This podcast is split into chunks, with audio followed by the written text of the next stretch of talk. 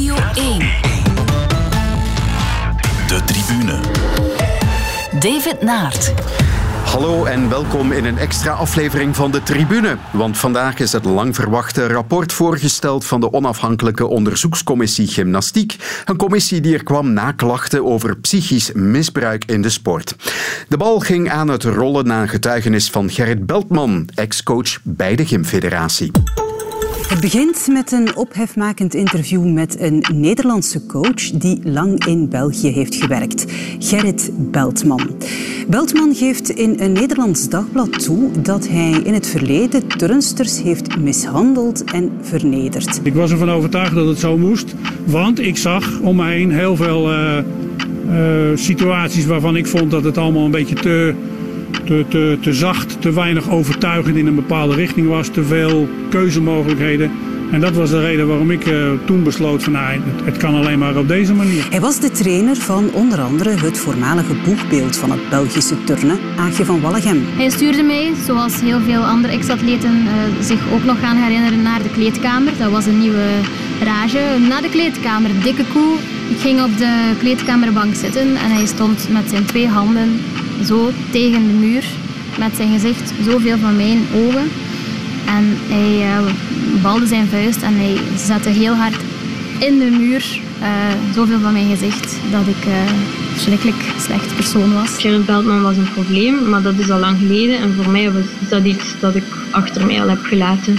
Um, maar toen Gerrit is vertrokken, zijn er nieuwe trainers gekomen en is hetzelfde verhaal eigenlijk gewoon opnieuw begonnen. Ja, ik denk gewoon dat het belangrijk is dat we dat, we dat nu meenemen naar de toekomst. En ik kan alleen maar, alleen maar zeggen dat ik totaal niet hetzelfde gevoel heb als dat, als dat, zij, als dat zij gehad hebben blijkbaar. Dus.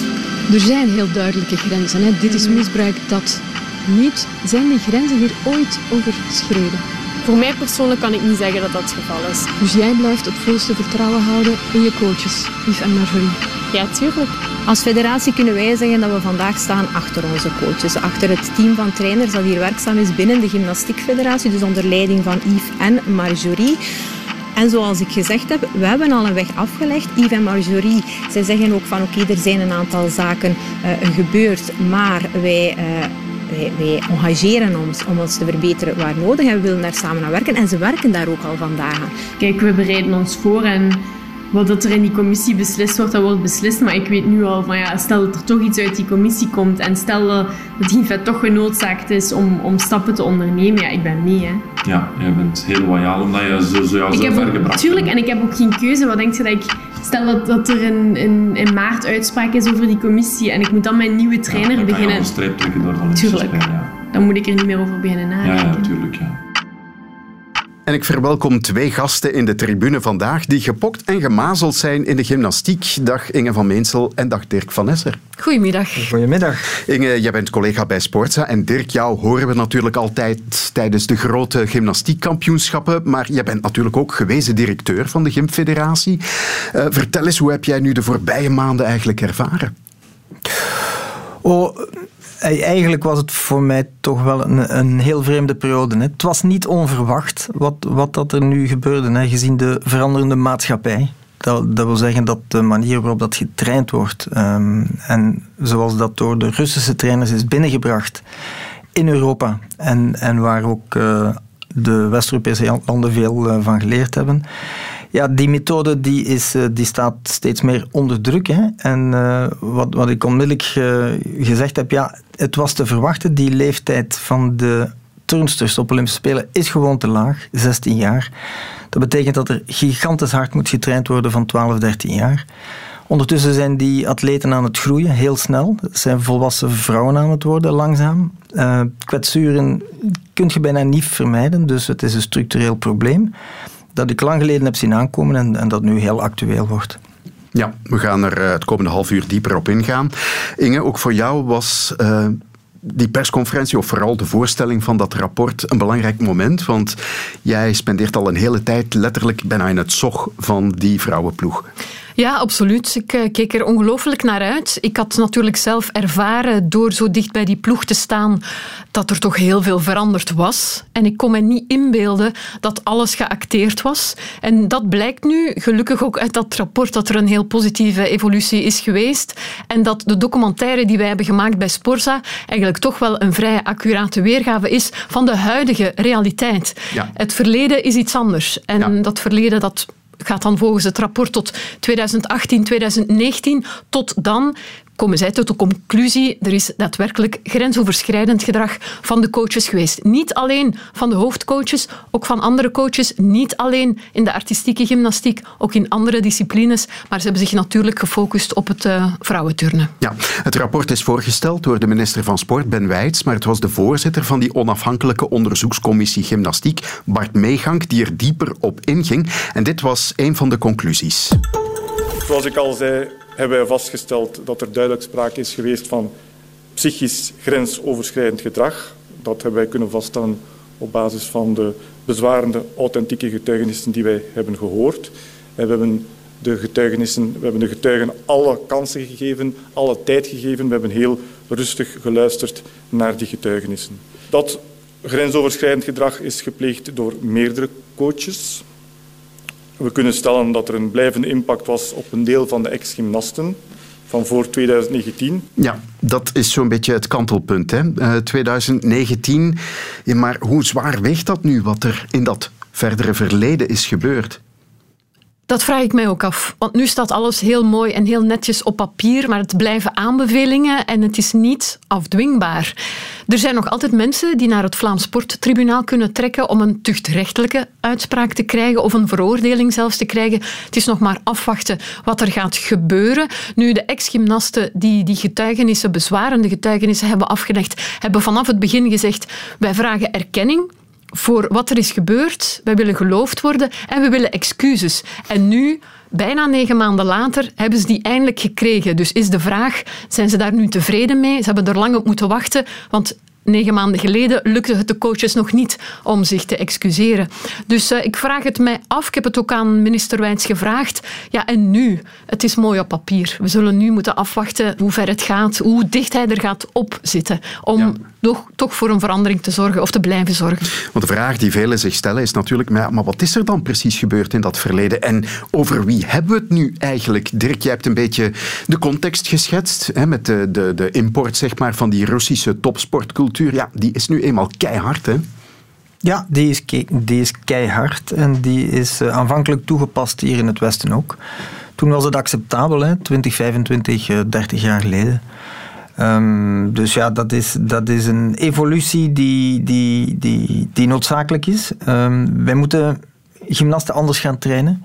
Sowieso. De atleet moet meer centraal zijn, uh, staan dan de trainers. Hè. Je mag niet vergeten dat al die trainers en ook die koppels die op het allerhoogste niveau zitten, dat zijn toch wel grote ego's. En die hebben een uh, geweldige kennis over, over dat turnen.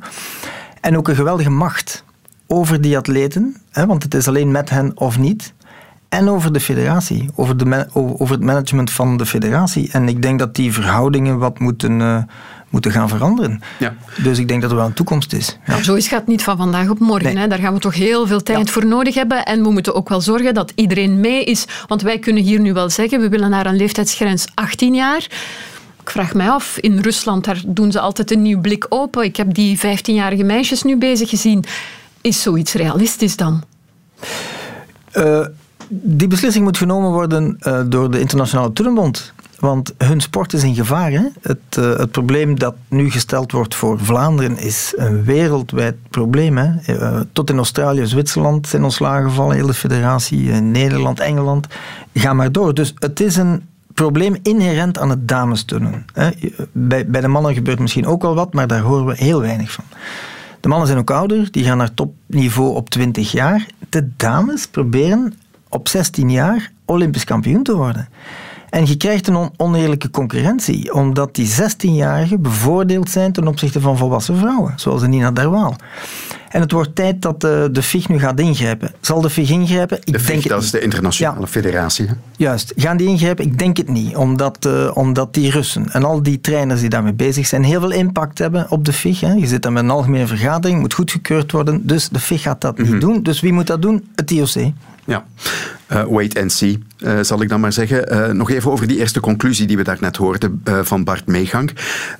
Eh, het kwam voor jullie toch niet als een verrassing dat er werd gezegd: ja, er is in het verleden zijn er gevallen geweest van psychisch misbruik, of toch? Ik weet dat er heel veel problemen zijn geweest, ruzies, discussies, meningsverschillen, heel concreet, grensoverschrijdend gedrag. Heb ik zelf nooit vastgesteld, nooit gezien, heeft niemand mij verteld. Um, en dan zijn er zelfs ook nog gymnasten die zeggen: kijk, wat is grensoverschrijdend gedrag? En dat is voor elke gymnast anders. Iedereen ervaart het anders. Dat vind ik het verwarrende en het waanzinnig complexe aan heel deze situatie. Nina Derwaal die zegt ook: er is stress geweest, spanning. En er zijn discussies geweest. Ik heb ook al staan huilen bij de, bij de coaches. Maar voor mij is dat niet grensoverschrijdend gedrag. Er zijn ex-gymnasten die hebben gezegd: kijk, Klopt, Nina heeft dat niet meegemaakt. Pesterijen, intimidaties, vernederingen, dat heeft ze niet meegemaakt. Dus dat is voor mij het hele moeilijke van heel dat verhaal. Mm Dirk, voor jou ook? Ja, maar een, een atlete zoals Nina zit toch anders in elkaar dan die atleten die nu uh, klachten hebben neergelegd. Hè. En Nina had een duidelijk doel als ze heel jong al was. Die heeft een heel grote intrinsieke motivatie. En ik denk dat een van de grote problemen is dat heel veel van die jongere meisjes invloeien omdat ze graag turnen. Zonder echt te weten waar ze naartoe willen. En dan stoot je natuurlijk al heel snel op ontgoochelingen. Zeker als er nog eens blessures bijkomen. De ouders zijn dan niet aanwezig, dat wordt overgenomen, dat is te hard, wordt te weinig aandacht aan besteed en, enzovoort. En dan krijg je frustratie. En frustratie uit zich in het eh, focussen op alles wat negatief is. En uh, als, als Nina straks een verhaal doet over haar turncarrière, dan zal dat allemaal positief zijn, omdat het positief is afgelopen. En dat is het grote verschil. Mhm. De resultaten ja. maken alles. Ja. ja. Goed. Um, dit was een andere sterke conclusie, vond ik. Uh, opnieuw Bart Meegang, de voorzitter van de onderzoekscommissie. De Gymfed was op de hoogte van de klachten en heeft volgens ons op dat moment onvoldoende ondernomen om daar aan te verhelpen. In het rapport zal duidelijk gemaakt zijn en is duidelijk gemaakt dat vooral de meerledige rol van de algemeen manager op dat moment als nefast kan worden gezien. We hebben vastgesteld dat hij zowel algemeen manager was als ook voorzitter van de ethische commissie. En dat er een fase is die beschreven staat in het rapport die als een gemiste kans kan worden gezien om de klachten te erkennen. Het zou een begin van oplossing kunnen geweest zijn voor de aanslepende spanningen. Ja, de man die hier geviseerd wordt is uh, Lode Grosse, ex-algemeen manager van de Gymfederatie, nu weer aan de slag als uh, technisch directeur topsport bij de Zwemfederatie. Dat is wel een stevige veeg uit de pan, uitgerekend dan voor de man die de multidisciplinaire aanpak uit de grond heeft gestampt, die zo geroemd en geprezen wordt sinds enkele jaren. Ja, ik moet eerlijk toegeven, ik vind het een beetje een afrekening. Voor mij wordt hij naar voren geschoven als de zondebok. Hij heeft toch echt wel iets neergezet bij de gymfederatie. Die interdisciplinaire of dat interdisciplinaire team, dat heeft hij uh, daar gezet. Hij heeft er ook voor gezorgd, onder meer met chef Brouwers, dat de coaches gecoacht werden, waardoor we die omslag hebben gekregen. 2018 is uh, chef Brouwers begonnen. Hij heeft wel fouten gemaakt, maar om nu alles weg te vegen van wat hij heeft neergezet bij de Gimfet, dat vind ik moeilijk. Daarvoor noem ik hem dan nu de zondebok. En dat vind ik niet helemaal terecht. Het is wel natuurlijk niet goed dat hij ook uh, voorzitter van die ethische commissie was. Hè? Dat is te veel geweest. Want dan moet hij oordelen over mensen die hij zelf uh, te werk stelt, Dirk. Nou, ja, dat klopt. Dat is het, uh, dat is het minpunt. Hè. Loden heeft fantastisch werk gedaan, dat is duidelijk. Zonder, zonder hem hadden we nooit zo ver gestaan. Hij heeft natuurlijk ook dat werk wat willen afschermen, denk ik dan. Ja? En die ethische commissie die is uh, ja, opgericht, maar dan vooral op papier, want ja, hij zit daar in een dubbele rol en dat is het probleem geweest. Maar dat, ik bedoel, dat doet niks af aan het werk dat hij verricht heeft daarvoor. Hè. Dat is uh, grandioos geweest en hij wordt nu ten onrechte afgerekend. Daar, uh, daarmee ben ik het eens. Ik moet wel nog zeggen, en ik heb zelf ook in die situatie gestaan, want ik was directeur van de Gymfed als Gerrit Beltman binnenkwam. Ook daar hadden we regelmatig zaken en conflicten. Aagje die bij mij kwam. Hè? Dit kan niet en dat kan niet. Dus ik moest daar telkens tussenkomen. En dan zit je in een hele moeilijk parket. Hè? Want je hebt dus een toptrainer die je moet bijhouden, die je gemotiveerd moet, moet krijgen. En als je telkens maar op zijn, op zijn kap zit om hem te zeggen dat hij dit niet mag en dat niet mag en het zo moet doen en zo moet doen, dan, ja, dan, dan, verliest, dan verliest je ook alle grip op die coach en dan is die relatie weg. Lode bouwt natuurlijk een relatie met die toptrainers ook, want dat is een echte ploeg. En ja, als je met zo'n gevallen afkomt, dan, dan wordt het moeilijk. En dan, uh, ja, dan wordt het wellicht wel eens weggeschoven om te zeggen, ja, we hebben nu andere prioriteiten, we gaan voor de topsport. Dat is hetgeen dat gebeurd is. En hoe pak je dat dan wel goed aan? Onafhankelijke ethische commissie, ja. een probleem direct daarnaar evacueren? Ja, los, als het zich los, van, los van de rest. Hè. Ja. Ja. totaal onafhankelijk. En Ja. dat heeft nu deze commissie wel bewezen dat dat de goede aanpak was. Hè. Absoluut. Ja, de kentering waarover we het hadden sinds 2018-19, die komt ook ter sprake in dat eh, rapport in positieve zin. Het is belangrijk ook dat er op dit moment een goede relatie is en een samenwerking tussen de huidige gymnasten en de coaches. Die ervaren de aangekaarte praktijken niet zelf, maar toch heel belangrijk en eigenlijk heel mooi ook van die jonge gymnasten, is dat, is dat zij de klachten van hun voorgangers niet betwisten. Zij trekken die dus niet in twijfel. En zij erkennen dus dat die klachten authentiek zijn. Maar ze behoren tot het verleden. Wat, wat, wat heeft dan voor die, ja, die uh, kentering gezorgd bij die twee coaches? Want over hen gaat het toch altijd wel. Ze zijn zelf gecoacht door Jeff Brouwers. Zoals je al zei. Ja. Ja. ja. Ik uh, denk dat er ook in hun persoonlijk leven um, een kentering is geweest door hun eigen kinderen. Ze hebben een dochter die in het Ballet van Vlaanderen zit, heel jong, talentvol meisje, een zoon die handbal speelt. En die zijn ook op internaat gegaan. En dat is het moment dat zij hebben gezien, wow, dit is niet evident. Zo jonge kinderen op internaat, ballet, ontzettend veel eisende sport, ja. veel zeker bij het Ballet van Vlaanderen, handbal, veel eisende sport. En die kwamen ook wel eens huilend thuis. Ik denk dat ze daar zijn beginnen inzien dat het allemaal niet zo evident is voor jonge kinderen om op zo'n jonge leeftijd zoveel inspanningen te doen en zoveel eisend en zo hard te trainen. Dat is mijn persoonlijke mening, omdat ik al heel veel gesprekken heb gehad met de coaches. Ik denk dat dat heeft meegespeeld. -hmm. Maar het is wel duidelijk dat, uh, ja, het is toch een, een statement van die huidige ploeg van dit zit goed, en laat ons werken. Ik ben heel blij dat de huidige ploeg gehoord is, want die zijn vanaf het begin voor leugenaars uitgemaakt. Niemand geloofde hen, niemand geloofde dat het nu vandaag toch wel goed kon gaan. Niemand geloofde dat er een positieve evolutie was. Nina Derwaal die is echt afgeschoten. Er is in de media, sociale media, een ongelooflijke haatcampagne ontstaan. Dat is ontzettend kwalijk en totaal, totaal niet oké. Okay. Ja, dat dus, wist ik zelfs niet, maar dat schijnt heel ja, erg te zijn. Deze week nog, toen ze afzegden voor het EK, dan zie je het ontstaan van een, van een uh, groep op, op sociale media. I hate Nina Derwaal. Ik hoop dat ze valt op de Olympische Spelen.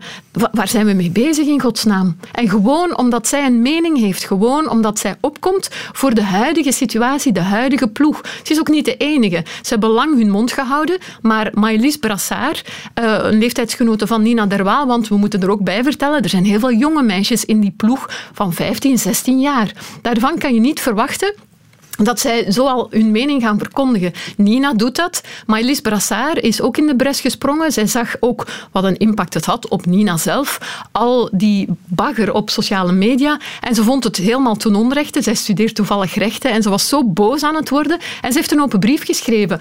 Een open brief, een vraag voor alstublieft, luister ook eens naar ons. Spreek niet in onze naam. Vertel niet onze verhalen geloof ons, wij hebben het goed en wij willen ons eigenlijk focussen op die Olympische Spelen. En het is jammer wat er in het verleden gebeurd is, maar wij ervaren dat niet. En Maëlys Brassard is toevallig iemand die, die uh, recht heeft van spreken, want zij heeft in Mons, in Bergen, in het topsportcentrum, echt grensoverschrijdend gedrag meegemaakt. Dat is de reden waarom zij verhuisd is naar Gent. Zit er nu vier, vijf jaar, denk ik. En ze zegt, kijk, wat ik in Mons heb meegemaakt, heb ik nooit meegemaakt in Gent. Maar geloof mij nu alsjeblieft. En gelukkig heeft de minister toch ook naar hen geluisterd. Dirk, kijk je er ook zo naar?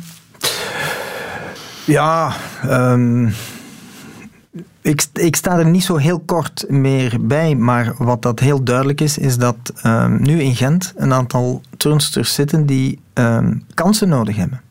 En die ambitieus zijn en die naar die spelen willen. Ja? En ze willen niet dat die kansen afgepakt worden. Ik vind dat de groep die uh, dat soort dingen organiseert op sociale media, waar ik niet op zit, hè, want ik ga het dus niet zien, dat die groep enorm veel boter op, op, op het hoofd heeft. En die groep die dat doet, die maakt net die klagers totaal ongeloofwaardig.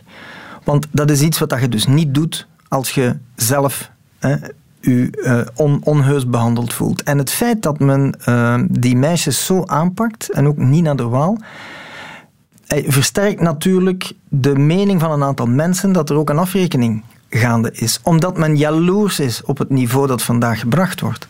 En dat is natuurlijk iets dat, uh, dat, waar we heel, voor, heel goed voor moeten opletten. Dat we niet echt in, in, in, twee grote kampen vervallen. Pro en contra. En dat is vandaag aan, aan het gebeuren. En daarom ben ik blij dat vandaag die, die, dat rapport verschenen is. Omdat voor mij nu ook het doek valt. Hè. Het heeft geen enkele zin om daar nu nog veel over te palaveren om verder te doen enzovoort. Laat nu de mensen hun werk doen. Laat de gymnasten zich voorbereiden en laat de, gym, de gymvet zich organiseren met hun coaches. Maar ja. gaat het doek vallen? Dat vraag ik mij wel af hoor. Ja. Want de coaches mogen voortgaan en morgen Uitgerekend morgen, kan je je voorstellen, vertrekken die naar het EK.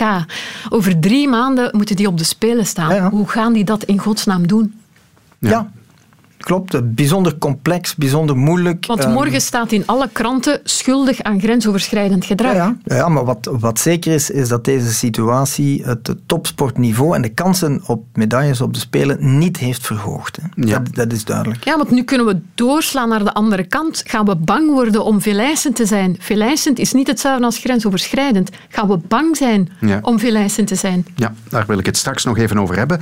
Uh, eerst nog even de coaches, uh, Marjorie Heuls en Yves Kiffet. Een, een, groot deel van de klaagsters, de, de ex-gymnastes, eisten excuses en die zijn er tot verrassing van velen gekomen op de persconferentie. Beluister even naar Marjorie Heuls. Nous reconnaissons que notre approche d'entraînement par le passé a parfois été dure et trop axée sur les performances. Nous reconnaissons que notre approche a été ressentie comme transgressive psychologiquement et nous réalisons que certaines gymnastes ont été en conséquent profondément blessées. Nous le regrettons. Nous tenons à souligner que notre intention n'a jamais été de délibérément blesser ou dénigrer les gymnastes. Mais nous réalisons désormais que notre approche a laissé des blessures chez certaines d'entre elles. Nous présentons nos sincères excuses à toutes les gymnastes qui ont pu ressentir, de quelque manière que ce soit, un comportement transgressif psychologiquement. Nous voulons activement participer à la guérison de ces blessures et tirer des leçons de ces expériences. Inge, uh, je zei mij dat je erg verbaasd was dat die excuses er vandaag kwamen, want ook Yves Kiffier heeft dat uh, gedaan. Waarom was je zo verbaasd? Ik had het niet verwacht. Ik, ja, ze hebben vanaf het begin gezegd: het is nooit onze intentie geweest om iemand te kwetsen. Maar excuses had ik niet verwacht, want dat hebben ze tot nu niet willen geven. Dus, en waarom nu wel? Geen idee. Hebben ze dat rapport gelezen? Zijn ze zelf toch onder de indruk gekomen van wat er in dat rapport staat? En hebben ze gedacht, ja, hier kunnen we echt niet meer omheen. Nu moeten we zelf in de spiegel kijken en inzien. We hebben inderdaad met onze aanpak dan toch, ook al was het niet onze intentie, toch meisjes uh, gekwetst. Ja, um, of misschien was het van moeten, Dirk dat ze hun excuses uh, aanboden. Dat is de tweede optie. Hè? Dat, ja. dat, dat, gaan we nooit weten natuurlijk, maar de gymvet zit natuurlijk in de, in de hoek waar de klappen vallen. En ze moeten ook met iets komen. Um, toegeven dat er iets mis is, ja, dat is natuurlijk het begin om iets te kunnen veranderen. En als zij de trainers niet zo ver krijgen, dan, dan zal er ook niks veranderen. Dat is duidelijk. Dus ik, uh, ik denk dat het uh, iets is dat beslist is, strategisch ook, hè, heel recent. Uh, hoe het gaat uitgevoerd worden, dat gaan we nog moeten zien. Hè. Um, ja. Zij zegt natuurlijk, ja, we zijn misschien te hard geweest hè, en te veel prestatiegericht geweest. Ja, als men minder prestatiegericht wordt, dan gaan we minder resultaten krijgen. Dus dat is het heel moeilijk evenwicht waar we... Waar, ik, ik ben er heel benieuwd voor. Ja, uh, het is hier al een paar keer gezegd. Uh, de aanbevelingen, het zijn er dertien. Ja, het zijn ook maar aanbevelingen en de minister kan zeggen wat hij wil, maar het wordt niet evident om dat allemaal in de praktijk te brengen. We hebben er al eentje aangeraakt daarnet, dat is die verhoging van de minimumleeftijd om naar de Olympische Spelen te mogen. Dit is minister van Sport Ben Wijts als het gaat over topsport, dat we moeten beseffen dat we soms te maken hebben met kinderen. Wij stellen nu vast, als je deelneemt aan de Olympische Spelen, kan dat vanaf de leeftijd van 16 jaar. Wij willen dat verhoogd zien naar 18 jaar. We willen ervoor zorgen dat veel meer aandacht is voor het kind, ook in het kader van topsportbeleid. Ja, en Vlaanderen, het is hier al gezegd, kan dat nu wel willen. En met ons misschien nog enkele West-Europese landen. Maar hoe ver spring je daarmee bij de internationale, atletiek, uh, de internationale gymnastiekfederatie? Ja, niet ver, dat kan ik u zeggen. Um, natuurlijk zijn er een aantal landen die aan het pleiten zijn. Um, maar ik denk dat de oplossing het IOC is. Het IOC moet zorgen voor um, aandacht voor de atleet, voor de Olympische waarden enzovoort. En op het moment dat zij zeggen, kijk, wij willen geen atleten meer beneden de 18, dan is het geregeld. Hè? Want dan zal de ja. FIG zich sowieso aanpassen. Ja, maar dat is iets wat ik wel hoor zeggen bij verschillende atletieklanden, nationale federaties, maar in het IOC heb ik die discussie eerlijk gezegd nog nooit gehoord hoor. Dat lijkt daar niet aan de orde te zijn. Het is ook al een tijdje dat daarover gepraat wordt. Hè, van die leeftijdsgrens moet omhoog als we dit soort wantoestanden willen vermijden. En hoe gaan ze erin slagen? Wij België uh, op ons eentje helemaal niet hoor. Nee. Nee, dat, dat wordt een moeilijk verhaal. Maar dit is, en de minister heeft daar gelijk in, dit is de sleutel tot het oplossen van dit probleem. Ja. Uh, maar je krijgt natuurlijk een andere turnsport. Hè. Volwassen vrouwen. Leent topgymnastiek ja. zich tot zo'n maatregel? Uh, wel, het, Als je het dan puur door die topsportbril bekijkt. Ja, de, de, de, de hoogste acrobatie ziet je bij heel jonge turnsters. Hè. Ja. De, de Chinezen proberen soms 12, 13-jarigen uh, binnen te duwen op een WK met een vals paspoort. Waarom? Omdat die zo makkelijk hun lichaam beheersen. Ja, dat hebben we op de Olympische Spelen ja. in Peking gezien. Hè. Toen ja. uh, waren er vervalste ja. paspoorten en zagen we van die mini-meisjes mee turnen. En die werden voorgesteld als meisjes van 16. Dat was helemaal niet zo. Hè. Maar is dat de sport die we willen? Ik denk het niet. Nee. Uh, ik denk dat wij volwassen vrouwen op de balk en op de brug ongelijk willen zien. Hè? Uh, natuurlijk heb je dan turnsters zoals Simone Biles. Ja, die, die, die blijft hetzelfde als, als, als toen dat ze 14 jaar was. Ja. Die is natuurlijk geweldig spectaculair, maar dat zijn grote uitzonderingen. Ja. Maar als je Nina der Waal ziet lopen met haar uh, gratie en haar ongelooflijk mooie uitvoering tussen die kleine jonge turnsters, dan vind ik de competitie zelfs niet eerlijk. Ja. Om, om, om, om, omdat die kleine, uh, lichte meisjes zoveel bevoordeeld zijn. En die hebben dan veel te hard moeten trainen, veel blessures gehad. En ja, dus we moeten naar een structurele oplossing. Ja, maar we zullen zien wat dat wordt. De coaches. Um aanblijven, ja of nee? Uh, minister Wijts is wel duidelijk. Um, ze kunnen blijven, en het rapport ook, tot aan de Spelen en liefst ook erna. Ik denk dat de huidige coaches dat die deel zijn van de oplossing. Je ziet dat er een kentermoment is geweest vanaf 2018, 2019. Alle gymnasten erkennen dat, zowel de ex-gymnasten als de huidige gymnasten. En die zeggen allemaal eigenlijk, de huidige aanpak, ja, die is zeer goed. En die moeten we vooral doorzetten. Dit zijn coaches die geleerd hebben van de fouten, die hun excuses aanbieden door het stof gaan en zeggen, ja, we beseffen dat we leed hebben aangedaan. Maar we leren daar ook uit. En dus ik hoop dat we hier met z'n allen gewoon sterker uitkomen. En dat we vooral beseffen dat die prestatiedrang soms dreigt ethische normen en waarden te gaan benevelen. En daarvoor moeten we ons hoeden. We willen verder met uh, Marjorie Heuls en Yves Kiefer. Maar Inge, aan jouw lichaamstaal zie ik dat jij bang bent dat ze over enkele maanden hier niet meer zullen zijn. Ja, ik denk dat echt. Ja? Ze zijn zo door het stof moeten gaan en hun reputatie is volgens mij volledig om zeep. Hoe kunnen zij nu nog geloofwaardig overkomen? Zij gaan toch altijd worden voorgesteld als de coaches die schuldig zijn aan grensoverschrijdend gedrag, want dat staat in het rapport. Mm-hmm. Of Nina Derwaal nu een medaille wint op de Olympische Spelen of niet, die link gaat toch altijd gemaakt worden. Ik zie niet in hoe zij verder kunnen. Ik, misschien, ik, hopelijk vergis ik mij, want los van alles, zij hebben hier wel iets ongelooflijk neergezet. En uh, sommige mensen die uh, nemen dat niet in dank aan. Dat, dat ik zo, zo'n uitspraak doe, maar dat, dat is gewoon de realiteit. Ze hebben het Belgische turnen naar een zoveel hoger niveau getild, omdat zij sporttechnisch wereldtoppers zijn. En Ja. dat staat echt buiten kijf. En stel nu dat ze zouden vertrekken, ja, hoe dramatisch is dat of welke impact heeft dat op die hele topsportwerking in de gymnastiek in Vlaanderen? Dat is nu het dilemma van Ben Wijts. Hè. Hij zegt, ja, de trainers kunnen blijven. Als die trainers weggaan, dan heeft hij minder medaillekansen. En dan eh, wordt zijn topsportbeleid in gymnastiek een stuk moeilijker. Want hij kan die trainers, en en de Gymvet kan dat ook niet, je kunt die zomaar niet vervangen door een, een, een- een koppel nieuw trainers die, die andere methodes hebben of, of die sterker en beter zijn. Zij zijn van de besten van de wereld. Dus eh, dat wordt een heel erg moeilijk probleem. Een heel erg moeilijk probleem. Ja. Zie jij ze blijven, Dirk? Ik weet het niet. Ik heb. ehm, we- we- weet je, dit zijn de eerste toptrainers in de gymnastiek die, terwijl ze succes hebben, ik zo'n grote knieval heb zien doen. Dat is ongezien. Eh, persoonlijk zou ik het niet doen. Ik zou Nee, zeggen, zou je het niet gedaan Nee, hebben? ik zou het niet doen. Waarom ik zou niet? zeggen, eh, zoek het maar uit. Ik, eh, ik ga iets anders doen, want ja, met alles wat ik gepresteerd heb, hè, en ik heb te weinig begeleiding gehad op, op dat vlak, ja, ik ga de schuld niet helemaal op mij nemen, want dat is, dat is te gemakkelijk. Ik zeg niet dat wat dat ze gedaan hebben, dat dat goed is. Hè. Tegendeel, ik ben geen top, toptrainer, maar als toptrainer zou ik dat niet doen. Ik zou mijn valies pakken en ik zou vertrekken. Ja.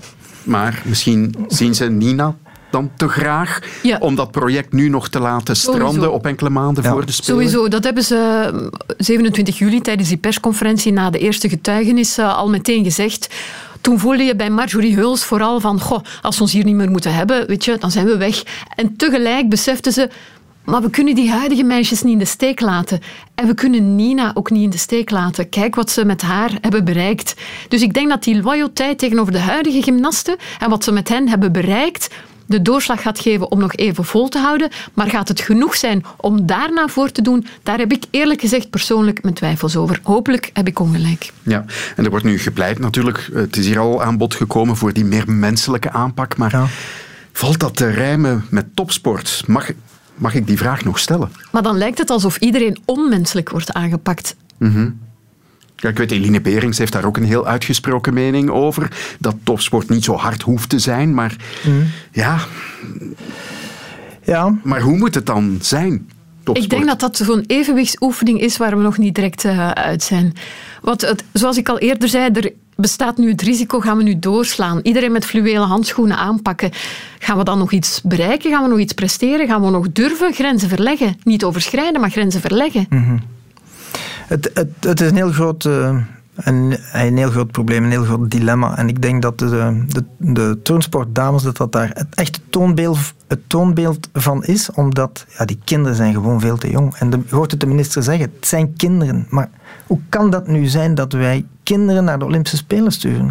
Samen met volwassenen. Daar zit het grote probleem. Hè? Eh, dus ja, zolang dat, dat structureel niet is opgelost, wordt dit probleem niet opgelost. Ja.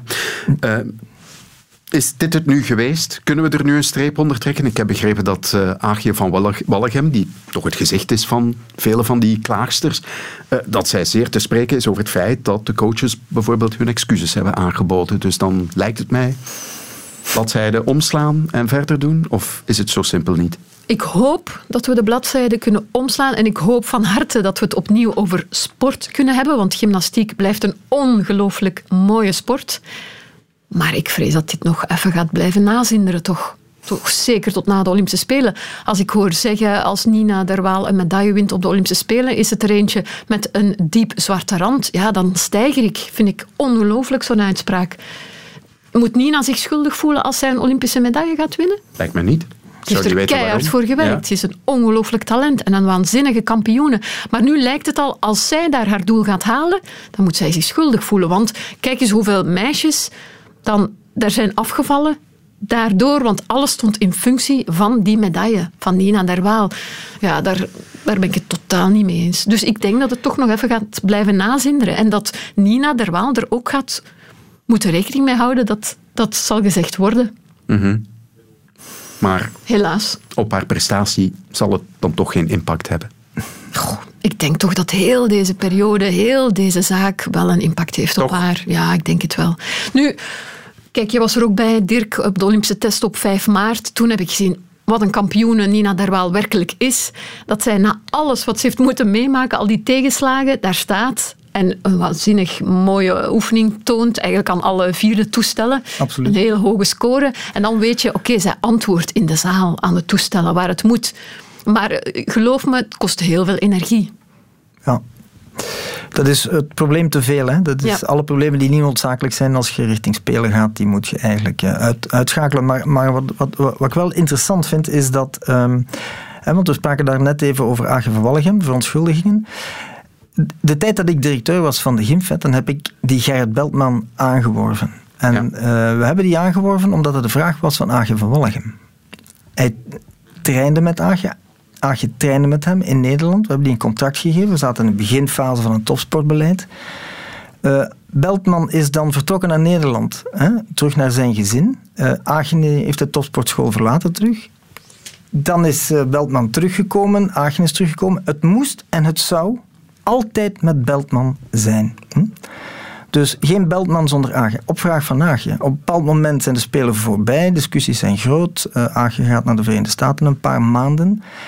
En eh, we hebben toen beslist om Agen een andere trainer te geven die minder hard was. Ja, uh, meer soft. Daar heeft ze dan de medaille mee gewonnen op, uh, op het EK. EK in 2005. Maar onmiddellijk daarna is zij terug met Beltman gaan trainen. Ja, terug met Beltman. Dus die trainer was niet goed genoeg voor haar. Niet en zij heeft genoeg. zich helemaal, niet hard genoeg, helemaal gekoppeld aan Beltman. Ja. En als Beltman ontslagen werd in 2008, dan heeft zij georganiseerd dat alle turnsters uit het turncentrum vertrokken. Iedereen ging in staking om dan Beltman terug te halen. Ze was toen 20 jaar. Hè? Ja. Dus zij heeft natuurlijk ook boter op haar hoofd op dat vlak. Want zij heeft mee dat systeem geïnstalleerd en hard gemaakt. En als je het mij vraagt, hebben wij nog maar twee topturnsters gehad in België. Aagje van Wallegem gekoppeld aan Gerrit Beltman. En Nina de Waal gekoppeld aan de Yves en Marjorie. En zo En zie je maar Ja, hoe genuanceerd en complex ja de hele puzzel eigenlijk absoluut, is. absoluut. Dirk van Nesser en Inge van Meensel, bedankt om erbij te zijn vandaag. Nu maandagavond, 19 april, zijn we er opnieuw met de tribune om 7 uur op Radio 1 en daarna ook op podcast. Tot dan.